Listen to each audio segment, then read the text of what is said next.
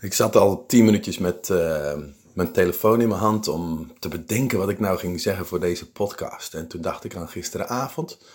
Toen zag ik een videootje van Gary Vaynerchuk en dan zie je vaak dat hij in gesprek is met een jonge gast en die dan een probleem voorlegt en dan heeft hij gelijk de oplossing. En dat ventje gisteravond die zei, um, ja ik wil wel graag uh, muzikant zijn en in een goede band spelen, maar ja, ik doe het niet. Zei, nou wat doe je dan wel? Uh, Netflix kijken. Nou, hij is wel eerlijk, zeggen al die omstanders. En uh, hij zegt, weet je, je wil het allemaal perfect, hè? Ja, weet je, dat is gewoon onzekerheid. En ik weet heel veel over onzekerheid. Als kind al mijn jongste herinnering hierover was dat ik toen ik in de eerste klas zat, wat nu groep 3 is, dat ik toen tegen mijn moeder zei van, oh, nou ga ik straks naar eh, de tweede klas en als ik het rekenen maar zou kunnen.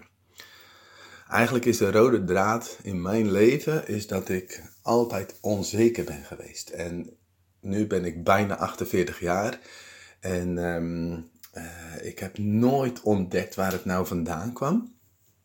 En ik zeg ook altijd maar, het maakt niet uit. Het gaat over hoe je nu mee omgaat. Maar ik moet zeggen, het gaat beter. Maar het is een soort van oermechanisme. Wat elke keer opkomt. Um, zoals nu bijvoorbeeld. Dat ik dan die podcast perfect wil maken. En dan vervolgens niet goed of niet snel in actie kom. En dus ik dacht, nou ik ga even wat anders doen.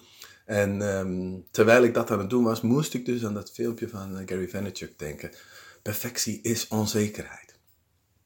En ik weet niet in welke mate je dit herkent, dat je soms gewoon niet tot doen komt. Dat je maar blijft hangen in erover nadenken. En uh, ik zie dat heel veel bij ondernemers. En dan moet ik zeggen, daar ben ik echt goed in. Oftewel gewoon gaan doen zonder dat het perfect is. Zonder dat het klaar is. Maar gewoon lanceren. Gewoon hoppa, gaan. En dat raad ik jou ook aan, want dat is de enige manier waarop je dus feedback kan krijgen.